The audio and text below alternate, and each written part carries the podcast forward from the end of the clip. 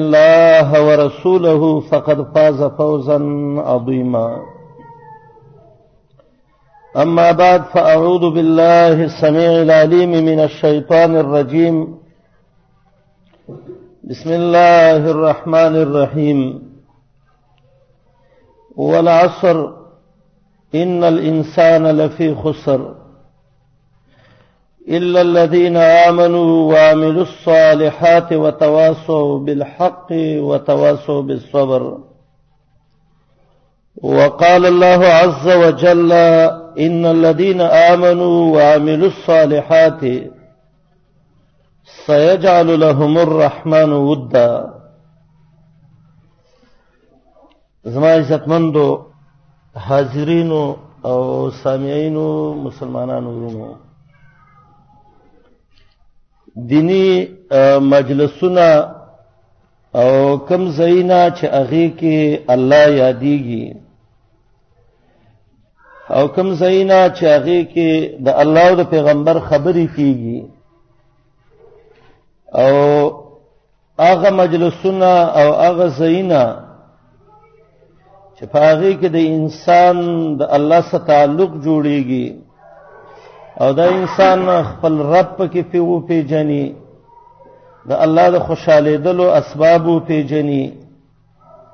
او دا انسان الله رب العالمین د جنت والا وګرځي داس مجلسونه دنیا کې ډیر زیات کم ملاویږي ځکه نن سبا منګ او تاسو د څه دور کې راغلی وو د څه عصر کې چې د هر انسان سوچ او فکر او نظر مادیاتو طرف ته دی من کې ډېر خسړې منګ هغه چاته ویو چې ډېر روپۍ وسی ډېر خسړې من هغه چاته ویو چې داغه نه ډېر تمه کیږي ډیر د دوستانه او د عزت او د مشرۍ او د قدر او احترام من هغه سره غنو چې کوم سره د دنیوي امورو کې د مخ کې خو یاد ولرئ د دنیا کور چې د ډیر زیات ژوند امکان دی قران کې ته الله متاع ویل دا یو معمولی څکه ده او د اخرت کور چې ده نو د ته الله دارالحیوان ویل د څه کور دی چې بالکل امیشه ده او هغه خلک چې هغه ډیر چیز بربادي او لږ ځان ترانیز دی کوي د الله قانون کې دا و خیر خلق نه دی و خیر خلق به د الله پیغمبر هغه چاته ویلې الکیس من دان نفسه وعمل لما بعد الموت چې هغه دنیا کې د الله ځان تابعدار ک او د مرګ نه رسته چې کومه ژوندۍ په در روانه ده هغه له د کوشش وکړه د الله د نبی علیه السلام د مرګرو سره د محمد رسول الله د شاګردانو سره د هغه سواهد دقه فکر او هم دقه وجوا لک صحابه لیکن د الله د دین فکر وسو د الله د ذات فکر وسو الله رب العالمین د اغینا د روم او د پارس بادشاهان چې هغه د ډیرو قوتونو والو هغه د نوم نه ویریدل دا ولی دا خلق سای یو بهترین قوت او چې هغه ته قوت د ایمان به ویلې د ایمان له بدی وخت ورکاو د دې ایمان یادولو د پاره بدی ټیم لګاو د به پیسې په دې خرج کولې عقبه بن عامر رضی الله عنه ته چا ویلو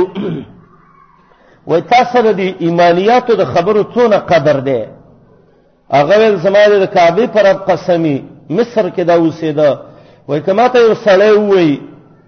چې د دې مدینه کې یو سړی او د ایمان یو خبره ماته خي نو زبر دې مصر نه بستر تړم او په دې یو خبره په بزما او زبته غیا دوم او زب واپس به راځم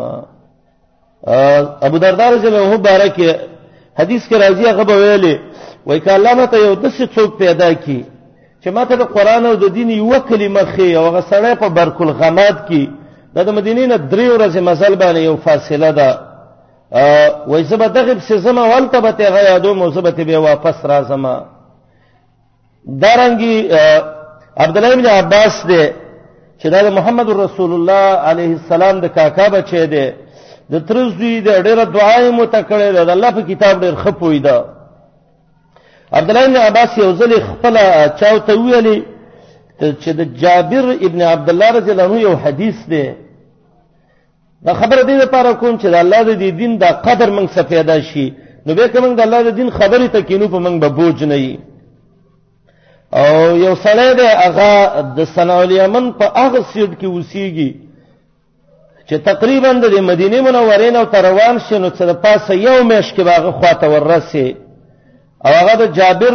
رضی الله عنه دا حدیث چې جابر رضی الله عنه وایي چې د قیامت ورځ قائمه شي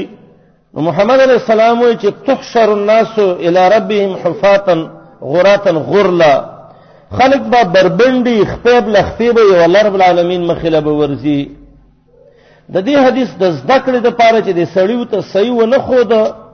عبد الله بن عباس وی ما خپل وخه تیار کړه ورسول جلیل القدر صحابي دی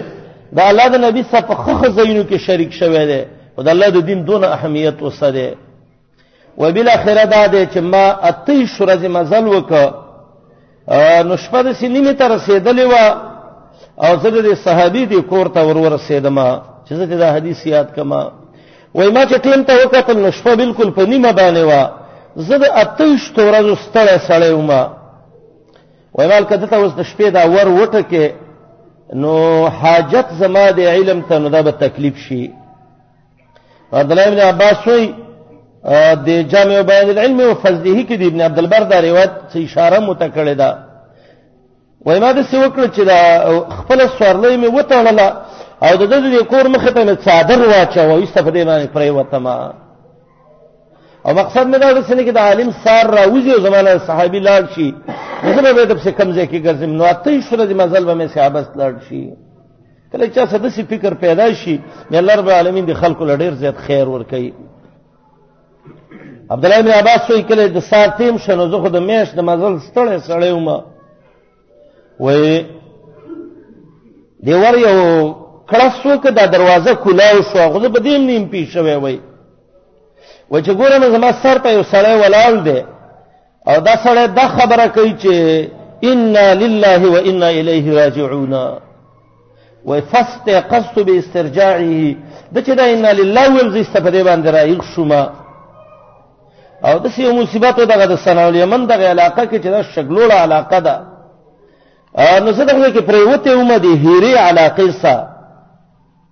او ټول شپه د هواګانې د شګې او د دوړې په ما رالوتې وي رالوتې وي نو زه د خاورو کې سم داسې پټ شوی وم نو د دې صحابي دا خیال و چې دا څوک چا وجلی دی زما د کور مخې ته اړتلی دی وای د چې انا لله ویل ما سر او چت ک په مخ خاورې پرتی دي لاس باندې خاورې دي بدن باندې خاورې پرتی دي وای دا سړی وای د صحابي وای چې ما ته وکتل زه یې وپېژندلم وای ما ته صرف دوه کلمې وویلې الست ابن عباس ابن عم رسول الله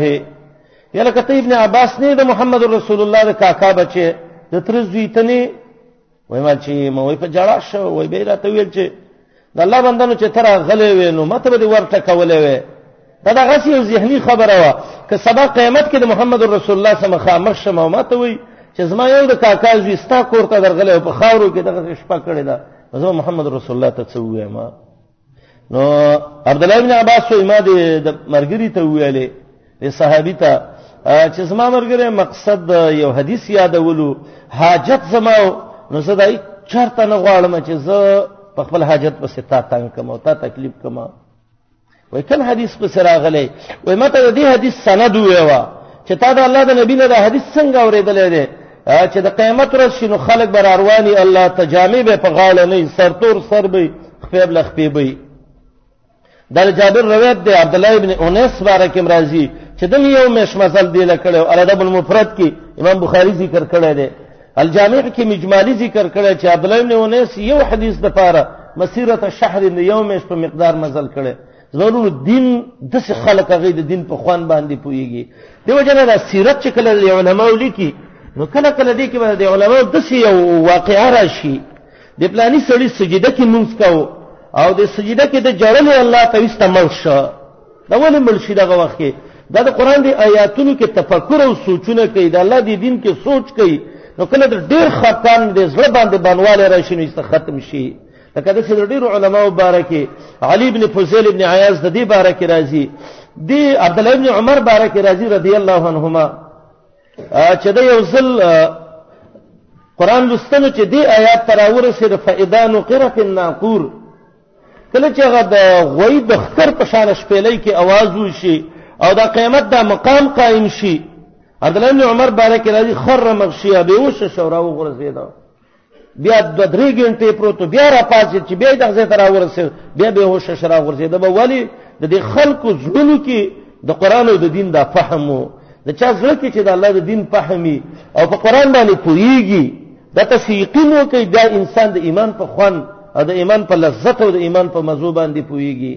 نو موږ تاسو له ډیر قیمتي خبره ده چې موږ تاسو د الله دین له وخت ورکو او دا وخت منګه د سه توانی نه ګڼو کله سره یو وخت په دې فکر وګڼي چې زه خو زراله مده زیلا او اسی یو وخت دی بس کې ناستم به وزي بار لاس مې یو وخت مې ضایع کنه نه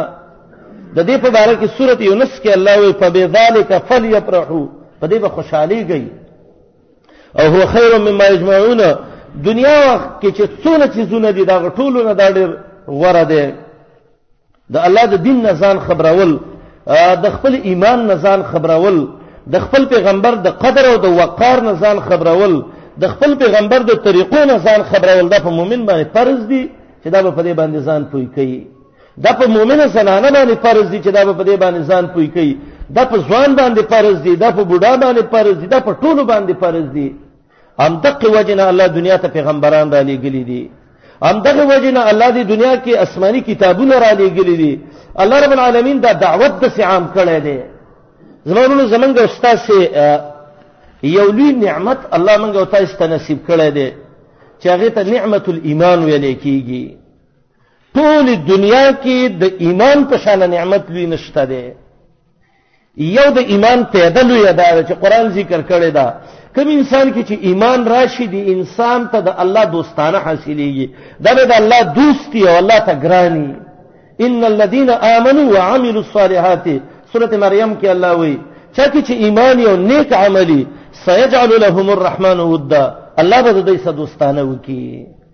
چې یو بادشاه د یو چا سره دوستي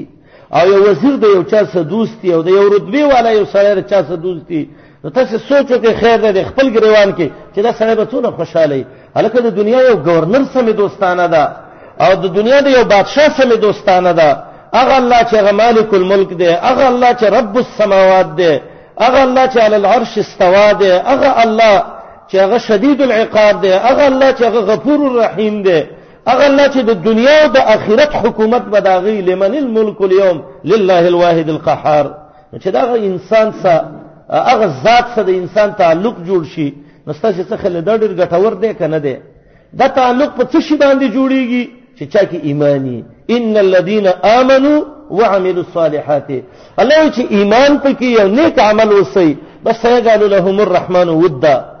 الله دې له دوستانه ورکړي دا به الله په خپل دوستانو کې ګرځي کمنګ تاسو یو سړی وینو چې مؤمن دی یو سړی وینو چې هغه نیک عمل دی موږ په دې قسم وکړو چې زمونږ په الله قسم چې دا سړی د الله دوست دی نو موږ په دې حانس نیو ځکه الله دا ویلي دی چې سيجعل لهم الرحمن ودا الله به دې خلق له به دوستانه ور کوي او کوم خلک چې هغه ایمان پکې دی نو الله رب العالمین وای دا کامیاب خلک دي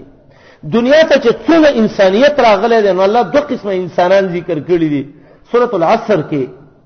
یو پاره کې هغه دي چې هغه اصحاب الخسران دي تاوانین خلک دي او دویم پاره کې هغه خلک دي چې اصحاب النجات والفلاح د کامیابی خلک دي څلور اسباب الله د کامیابی د انسان ذکر کړی دي چې په دې باندې د انسان ته عزت ملاويږي دې باندې د انسان ته کمال ملاويږي او دې باندې د انسان د خسته درجو والا ګرځي یو پاره کې ایمان دی دیم پاره کې اعمال صالحه دي دریم پاره کې د حق وینا ده او څلورم پاره کې صبر دی هغه انسان دنیا کې ډیر کامیاب انسان دی چې الله ایمان نصیب کو دا ډېر اوچت نعمت دی ایمان دونه یو نعمت دی که د دې ایمان فضیلتونه سره بیانې چې ایمان کې څونه فضیلت دی یاره ان شاء الله د درې ورځې په لګي ځکه ایمان یو لوی نعمت دی یو لوی مرتبه چې چاته حاصلېږي تاسو وګورئ دا معمولی ناظمان دي کلی کې جوړیږي د دې وټونو کې کامیاب شو څونه منډي وای شپې شوګیر کې او دا ولی چې د ته یو رتبه د دنیا حاصل شي او ایمان د څه نعمت دی والله العظیم چې د دې ټول دنیا نه ایمان غوړه دی ځکه دې ایمان باندې سره د الله دوست ګرځي دنیا د الله لاس کې ده حدیث کې راځي چې دا دنیا د الله په نس د ماشي د وزروم را د دې قدر وې لو كانت الدنيا تعدل عند الله جناح بعودا کله ماشي د وزروم د الله څخه قدر وې لما ازاقها الله منها العبد الكافر قطره ماء یا شربت ماء الله د کافر له یو څاڅ کې ته نه ور کړي او دغه د دنیا الله رب العالمین د دې ایمان په وجه الله دې دنیا له بقا ور کړی دا حدیث کې راځي چې تر څو پورې یو ایماندار په مخ د ځمکه باندې او د الله आवाज کوي دنیا به نه دغه کیږي دا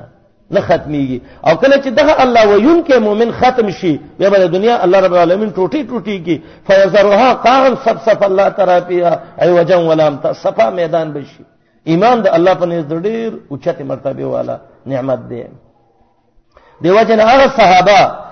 چې هغه ډېر زیات جلیل القدر صاحب هغه بداویلی یره زمنګ په دې ټولو نعمتونو کې دا یو د ایمان نعمت نو دا به ډیر خی ابن ابي مليكه بخاري کې داغه یو روایت ده هغه ما ډیر زیات صحابه لیدلیو او د رسول الله د صحابو نه مشران صحابو د دیر شتنه ډیر ما لیدلیو كلهم يخافون على انفسهم النفاق هر یو په ځان یریده چې ایمان می خراب نشي د سنت منافقت تر ګډوډ شي ایمان باندې بدی یې را کوله ابو بکر د لار کې روان دی چې ګوري حنزله ابن صفان رضی الله عنه غسیل الملائکه چې وته وي دوله مخله راغې حنزله جاړي وته وي ابو بکر وته ویلي جاړي حنزله و یا ابو بکر نافق حنزله ابو بکر زخه منافق شوی ما ایمان کې دې شي زمانه خراب شوی ابو بکر وته وي حنزله ته مؤمن څنګه منافق شوی نو هغه ته وایي احنزل ابو بکر چې د رسول الله علیه السلام خاطر زموږ ایمان یو شانی او چې بار تر اوس زموږ ایمان بل شانی نو دا د منافقه علامه ده چې یو ځکه یو شان ښکارا کوي یو بل ځکه بل شانی نو ابو بکر نافقه حنزل زمنافق شوی ما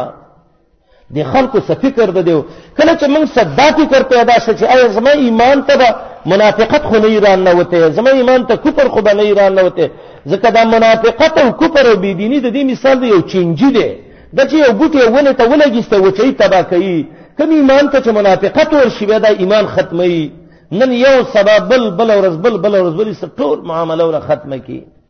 ابو بکر رضی الله چې کله د حنزله د خبرې ته سوچ وکړ ابو بکر هم په جړا شو وای حنزله ته چې څنګه منافقې والله زه ابو بکر هم دغه منافق شوی ما ځکه رسول الله سره یو شان مو چې راوځو بار بل شان یو دا لاس نیولې دی د محمد رسول الله مجلس لراله الله دې موږ سده سي فکر پیدا کړي کله چې موږ سده سي فکر راغی بیا موږ ته هیڅ مشکل مینس کې نه جوړیږي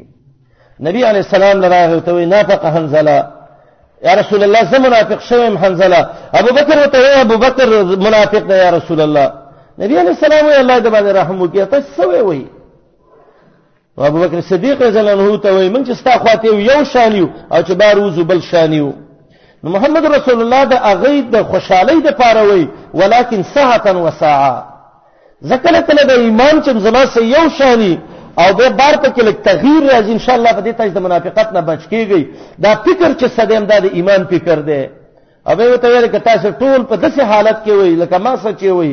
او ټول بهر او دننه دلته په داسې حالت کې وي والله لصافحتكم الملائکه به بری کوڅو کې ملائک د لغاړې درکې هو ولکن ساعتا وسا نو ایمانی مجلس ته زمورونو ایمان تازه کی من صدا سوچ په کار دی چې دا ایمان زمنګ ختم نشي کله چې من صدا سوچ راغی ګوره من څه خدا سوچ شته دی چې سره چې تاوان ونکو دا سوچ شته چې بچی رانه وران نشي دا سوچ شته چې زنانه وران نشي دا سوچ شته چې کور ران نشي وبران شي دا کور رانه تبانه کی لیکن د ایمان باره کې سوچ په کار دی د دې وجه نه صحیح ایمان به د کوم ځای نه یادې د قران عادت دا دی چې د قران د تلاوت کوي د سبګورې ځای په ځای الله چې یو ډیر مهمه خبره ذکر کوي نو الله رسته یو آیات کې یو داسې لفظ وایي چې هغه مخ کې ته اشاره کوي دې آیات کې وایي هغه خلک چې ایمان پکې دی او هغه نیک عمل کوي دا د الله دوستان دي الله و دوستانه ولور کوي نو مشرکین خپل ځان ته مؤمنان ویل تلبیه به ویلې بیت الله جوړو حاجانو له ډوډۍ ورکولې ستان به لمدول مشرکان حجونه هم کول دارنګ منافقان هم ځان ته مؤمنان ویل وإذا لقوا الذين آمنوا قالوا آمنا من مؤمنان یو نو الله ورپسې آیات کې فإنما يسرناه بلسانك لتبشر به المتقين وتنذر به قوما لدا ورپسې آیات کې وایي صحیح ایمان چې یادېږي د هغه کتاب نه یادېږي چې محمد رسول الله ستا په جواب باندې کم الله آسان کړی دی چې هغه څه دی قران کریم دی زورون قران د الله وحی ده شرح د دې احادیث د محمد رسول الله علیه الصلاۃ والسلام دی دا لوی نعمت ایمان دا به موږ د قران نه یادو ګوره دا څومره لوی نعمت دی الله وایي ټول انسانان تاوانین دي خو هغه انسان ګټمن دی چې ایمان پکې او سورت بقره کې الله وایي الله رب العالمین یو کور تیار کړی دی او ډیر زیات د خیر والا کور دی او ډیر د برکتی کور دی څنګه کور دی کله کله یو سړی یو ښایسته بلډینګ جوړ کړي یو ښایسته بنګله جوړه کړي لیکن هغې کې خوراک نه وي سړی غریب وي ډوډۍ نه وي نو دا کور دی خدان تاوانی کور دی دونه ګټمن نه دی کله یو مزیدار کور جوړ کی خوراکونه ډیری خو د وبو ډیر سخت تکلیف یې کی نو دا کورم د تاوان دی نو کله کله یو کور دسی چې هغه کې ابادین خېستې خوراکیم خې وبم پکې لیکن د سړی ساغي کې داغه مرګري نه مسافر دی او کله کله د سې چې کورم خي او هغه کې وبمي او خوراک می او مرګري نه لیکن د لار غالي هوټل له شپه د وی کلب کې نو دې کور تم څوک د کمال کور نه وای الله یو کور جوړ کړی چې هغه ته جنت وي دا الله په نعمتونو باندې پټ دی او دې کور کې الله رب العالمین وایي خوراکونه شته دی کلما رزقو منها من ثمرة الرزق خوراک هم ګوره ښه ډېر دی او دې کور کې اوبه هم شته دی تجري من تحت الانهار څلور قسمه ولي دي کې د طیوب کې دي د ګبین دي کې او د شرابو دي کې او د خالص مزیدار اوبو دي کې دا څلور قسمه د نهرونه هم پکې دي ګوره کور هم دی ابادي هم ده پکې خوراکونه هم دي پکې او دې کې اوبه هم دي ملګري هم شته دی ولهم فیها ازواج مطهره د خو اخلاق والا خزه پاک زنانه د بل دی مرګري او امیشوال هم د کور کې وهم بیا خالدون نو دا د کمال کوري چې کور کې خوراک می آبادی می او بمی امیشوال می او مرګري می دا کور الله لنوم خیر الجنه دا الله په څه ورکوي په دوو څیزونو باندې یو په هغې کې ایمان دی وبشر الذین آمنوا وعملوا الصالحات ان لهم جنات ګوره ایمان دونه لوی نعمت دی الله پې داسې لوی لوی دغه ورکوي داسې لوی لوی نعمتونه الله رب العالمین په دې ایمان باندې ورکوي او الله رب العالمین سورة انعام کې د ابراهیم علیه السلام او د قوم مقابله د قوم وای من په حق او ابراهیم علیه السلام وای من په حق زه په حق ما الله فیصله کوي الذين امنوا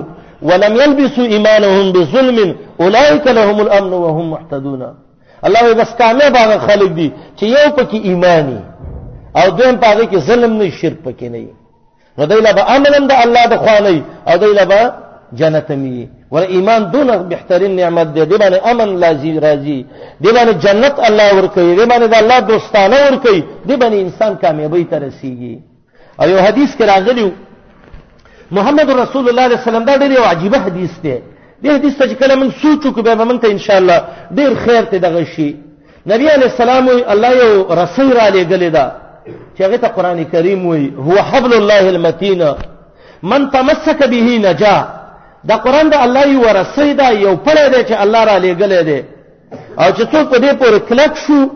بس کامیاب به شي او چې لاس یې پسې وانه چل نو ایسته به تباه او برباد شي دا حدیث اصل کې په یو مثال بنا دی یو سړی دی هغه کوی ته غورځېدلی دی او دا سړی چې کوی ته وغورځېده د کوی کې پات کې نشته چې دا راوخیږي دې ته د بره نه خلکو یو پړی ورځوړند که یو رسۍ ورځوړنده کړه ده ته ویل چې هلکه دې رسۍ پسې کلک شه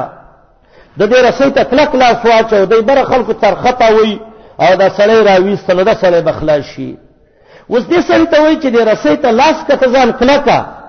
او موږ به دا رسۍ تاو کړو او به خېجو دا وایي چې زه خو لاس نه ورچوم دې ته زما لاس خرابېږي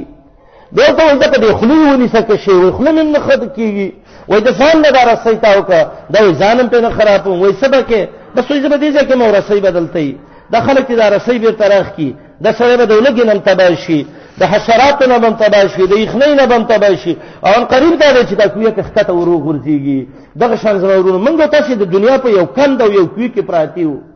الله رب العالمین یو آسماني رسۍ را ځوړنده کړې ده هو حبل الله المتین چې د الله غ مضبوطه رسۍ ده چې قرآن دی او دین دی من تمسک به چا چې دی دین او د قران باندې منګولې ولګولې نجایز ته بخلاص شي او چا چې د دین لاس راغون ک نو الله رب العالمین به تباہ او برباد کړي د دې وجه نه هغه مشرک چې هغه آسماني دین نه مني الله سورته حج کې ډېر د زورنې خبره ذکر کړې ده ومن یشرک بالله فکانما خر من السماء فتخطفه الطير او تحوي به الريح في مكان سحيق مشرک داسې تبا دی لکه د اسمان نه چې یو سړی راوګرځيږي د بره یو چتې نه راوغورځېږي او د ځمکې د رسېدو نه مخکې د باندې مرغان راله ویسته په هوا کې وشلو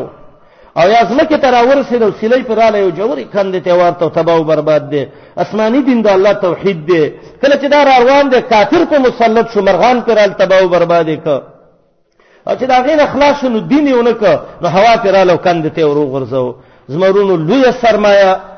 لوی عزت چې د الله د دین سره د سړی تعلق جوړیږي د الله سره محبت جوړیږي انسان ته په امن راځي انسان ته په هدایت راځي د انسان په کور کې په برکت راځي دا انسان د کامیابی والا په ګرځي دا د الله دین او ایمان دی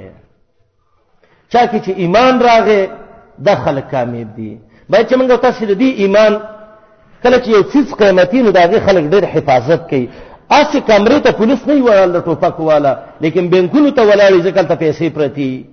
یا ارت صندوق ته څوک تاله نه ورچي لیکن کم چې مقصدی نو هغه ته مضبوط مضبوط خلفونه او تاله ته چي د ایمان یو ډېر حفاظتي د دې په کار دی دلته شیطان ظالم ولاړ دی دا موږ د ایمان خرابوي خواهشات ولاړ دی دا د ایمان په بل طرف شلوي دنیا را روانه ده د ایمان په بل طرف غلط دوستان را روان دي دا د ایمان په بل طرف د دې ایمان حفاظت په موږ پکار دی حفاظت به د سکو د صحابه کې او صحابي حذیفه ابن الیمان به وتویو رضی الله عنه او دغه ته رسول الله عليه السلام د راز خبرې کولې نو دته به صاحب سر رسول الله ویو وای دا محمد رسول الله د راز مرګره دی هغه ته نبی له سلام په نوم نوم باندې خودلیو چې حذیفه د مدینه کې د فلانه منافق دی فلانه منافق دی فلانه منافق فلانه منافق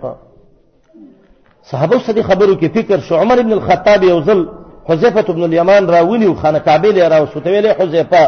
ستاسو د کعبه پر قسم ته وایا منافقان جو نبی اسلام د نیم ذکر کړي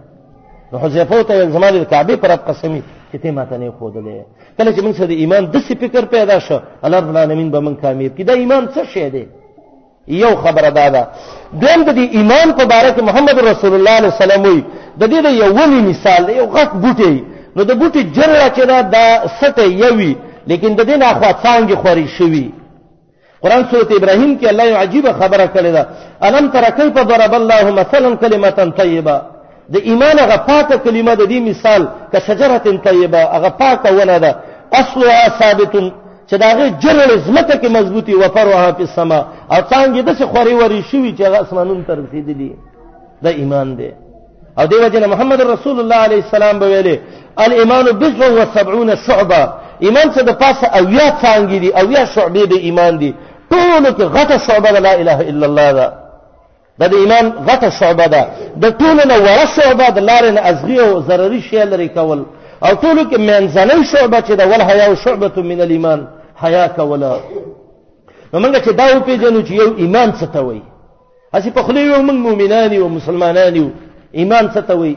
او دویم موږ دا وپېژنو چې زمون پیغمبر علیه الصلاۃ والسلام چې موږ ته ویلي دي چې ایمان څه د پاسه اویا څنګه دی او یا شعبې دی پلانې دا پلانې دا پلانې دا پلانې دا کدا شعبې په چا کې رالې نو هغه به مؤمنی او که چا کې رانلې نو بس ایمان نه به بل څه شي نو یو خو موږ تاسو له ضروری دا چې ایمان و پیژنو چې ایمان څه شی دی او دویم موږ دا و پیژنو چې دا صد پاس او یا څنګه د ایمان د کمی کمی دی او به ځان سره یو ولي کو سوچ به وکړو چې ما کدا شعبه شته دی او کنه شته دی د مؤمن د اویاو کې په دې شعبه کې زمومن یې موکنه ما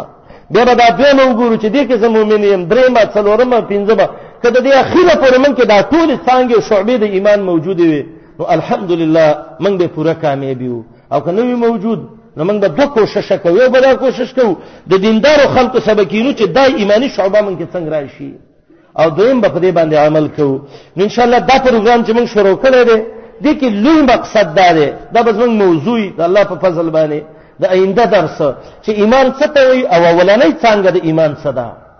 او به دویمه او به دریمه او به څلورمه او پنځمه او شپږمه دا به دسی کو چې یادو به مو په خپل به عملم کو او د دې دعوت به بل تم کو او د درس په ځان سرور مرګریم راوړو الله دې ما کې د ایمان د شعبې پیدا کړي او الله دې ما ته یاد کړي او به تاسو ته او الله دې دې ایمان په وجه باندې الله چې کوم زیره ورکړي دي چې سيجعل لهم الرحمن ودا الله به دې له دوستانه ورکی الله دې الله دوستانه زمنګ نصیب کړي الله دوستانه چې کله زمنګ نصیب شو د څه مشکل پاتې دي چې د الله غونډه ذات د چاو سره دوستانه او الله وی چې زه د دوست امداز ما دوست دی یا کامیاب انسانان دي سي دي ان شاء الله هر دې ورځ باندې دا وقه دعوت کوي نور مرګري ځان سره ولګور دا دین چې ده کنه دې کې ډیر زیات خیری یو د دین بنیاد چې دې کې خود نو الله لب کې نور خیر درکې سر من بخاری کې حدیث درس کا چې محمد رسول الله صلی الله علیه وسلم وی کبن اسرائیل دا غوخه نه ذخیره کړي ځکه الله ته ویل د من او سلوا خوري خو جمع کوي به نه نو کدا غوخه نه جمع کړي نو په دنیا کې به یو غوخم چیرته بوی نه وکړي خدای ادخار جمع کړ د بنی اسرائیل نه مخکې کبه لسره د غوخه په یو ځای پراته و بوی به نه کو دای چې دا عمل شروع ک الله ته دا عذاب شروع ک نو چې غوخه پرې دی اوس نو څوره وخت بد بوی کیږي رسول الله صلی الله علیه وسلم لولا بنو اسرائیل کدی بنی اسرائیل دغه د الله نه فرمانی نه نو لم یخنز اللحمه غوخه چرې بد بوی نه کوله او زمونږ ستاسو مشر نیا چې د حوا به ولو لم يخن حوا ادم کدی حوا به د ادم علی السلام سره څه معمولی دوکه نه وکړي هغه دا چې شیطان وته ویلي چې دا ونه په ادم خو رئیس هغه په وخړله نو لم تخن انسا زوجها دنیا کې یوې خزبم د خپل خاون سره چې ته خیانت او دروغ نه ویلي وتا وګوره هغه دوه کاره بنی اسرائیل وکړو ټول خوراکونو ته ضرر ورسو هغه به یو غلطي وسه د ټولو زنانو فطرت کې دغه خیانت راغی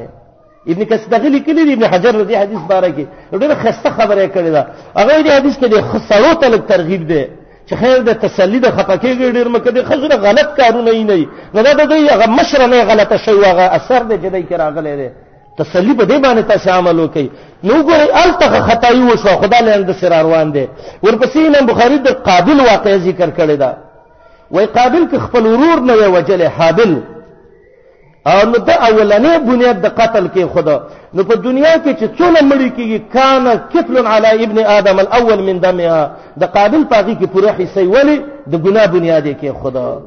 دغه شان چا چې د نیکۍ بنیاد کې خدا عمرو بن العام الخزاعي نبی صلی الله علیه وسلم یې معراج په شپه جهنم ته ورخاره شوم یو سره مې ویل د یو مردار بوی ته راته او دا کلمې په دې جهنم کې راخکلې او د جهنمانو د سپینې نیولې د د بوی د لاسه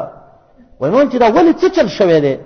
وای ما ته چې د عمرو ابن عامر الخزاعي ده دا ولنې غسړې ده چې په عربو کې د بهيري صاحبې وسیلې د شرک بنیاد کې خدا نو زما ورونو چې د بد کار چا بنیاد کې خود چې څونه ګناه څوک یې غلط کې الله پوره یې سور کوي ومن سن سنتا حسنه چا چې یو نیک کار بنیاد کې خود نو فله اجرها واجر من عمل عليها پاغي باندې دا غي اجرم ده او چې چا په عمل کوو دا غم وساده او دا ولني اجر پکې کمیږي نه نو موږ تاسو د ایمانیات یو شعبه شروع کوو چې خپل ایمان نه خبر شو نو موږ تاسو نور مرګرو ته دعوت کوو نو چې یو مرګر انسان سره وس دوی را وسته درې را وسته او چې څونه د دعوت د خیر خوريږي ان شاء الله دا ولنی به کې پوره حصہ وي الله دې موږ تاسو دې حصے نه محروم کړي او انسان ته د مرګ نه رسته چې رشي درې چیزونه وتر شي یو صدقه جاریه چې جمعه ته جوړ کړي مدرسې جوړ کړي جمعه د قران غستې لارې جوړې کړي دا یو نیک سړي تربیته کړي په یو شرعي طریقه باندې دیم نیک اولاد چې هغه بخنه غواړي پلار او مور له او دریم په هغه کې محمد رسول الله سلام وي هغه علم چې هغه خلکو ته خودلې دی ور روان دی موږ ته چې دا ټول کوشش کوو کنه دا په دې باندې کوز نورون دا موږ ته ته ذمہ واری ده نبی له سلام چې ملکی ده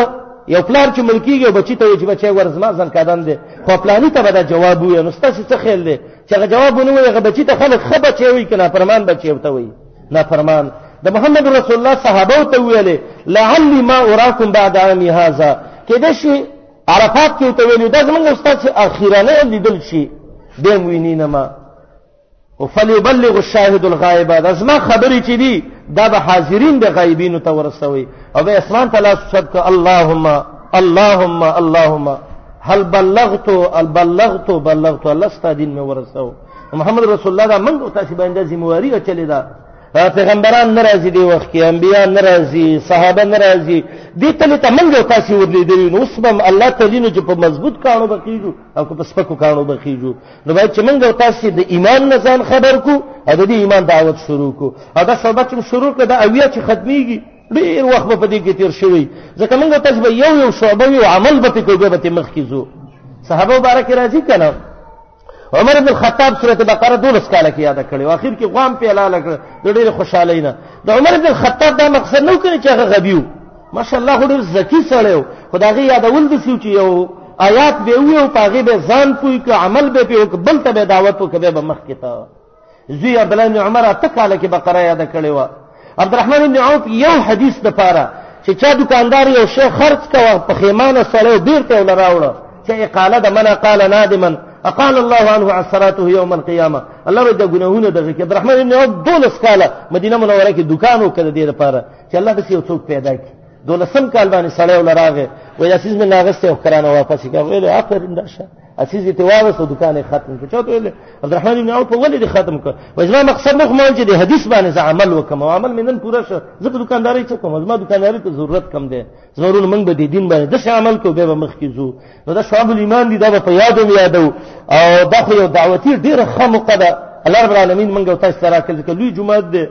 په دې کې مسلمانان رونه هم زیږي بره چت کې مسلمانان خويندې هم شي کې ناشته وتا نو دا ایمان خو زمون خو دقه ژوند دی او روان دی او روان دی او پس روان دی انسان چې دی هغه د خپل ژوند او د خپل حالت نه خبر نه دی چې یاره زبر د نن مړ کېږم سبب مړ کېږم نو کدی وخت موږ له مرګ راغی نو الله تبارک رب العالمین د ایمان شعبې شروع کړې وي د کتاب او سنت طالبانو ان شاء الله دله به خپل به وخت ورکو دا وخت به عبس نه به دا به قیمتي حساب دله به نور مرګرو تم دعوت کو په دې به عمل کو اقول قولي هذا واستغفر الله لي ولكم جزاكم الله خيرا تاسو لکه نه کا یو خبره ده زمونږ د دې عصر یو ډیر نیک نوجوان عالم مرګره شیخه ماشاءالله زمونږ د معلوماتو مناسب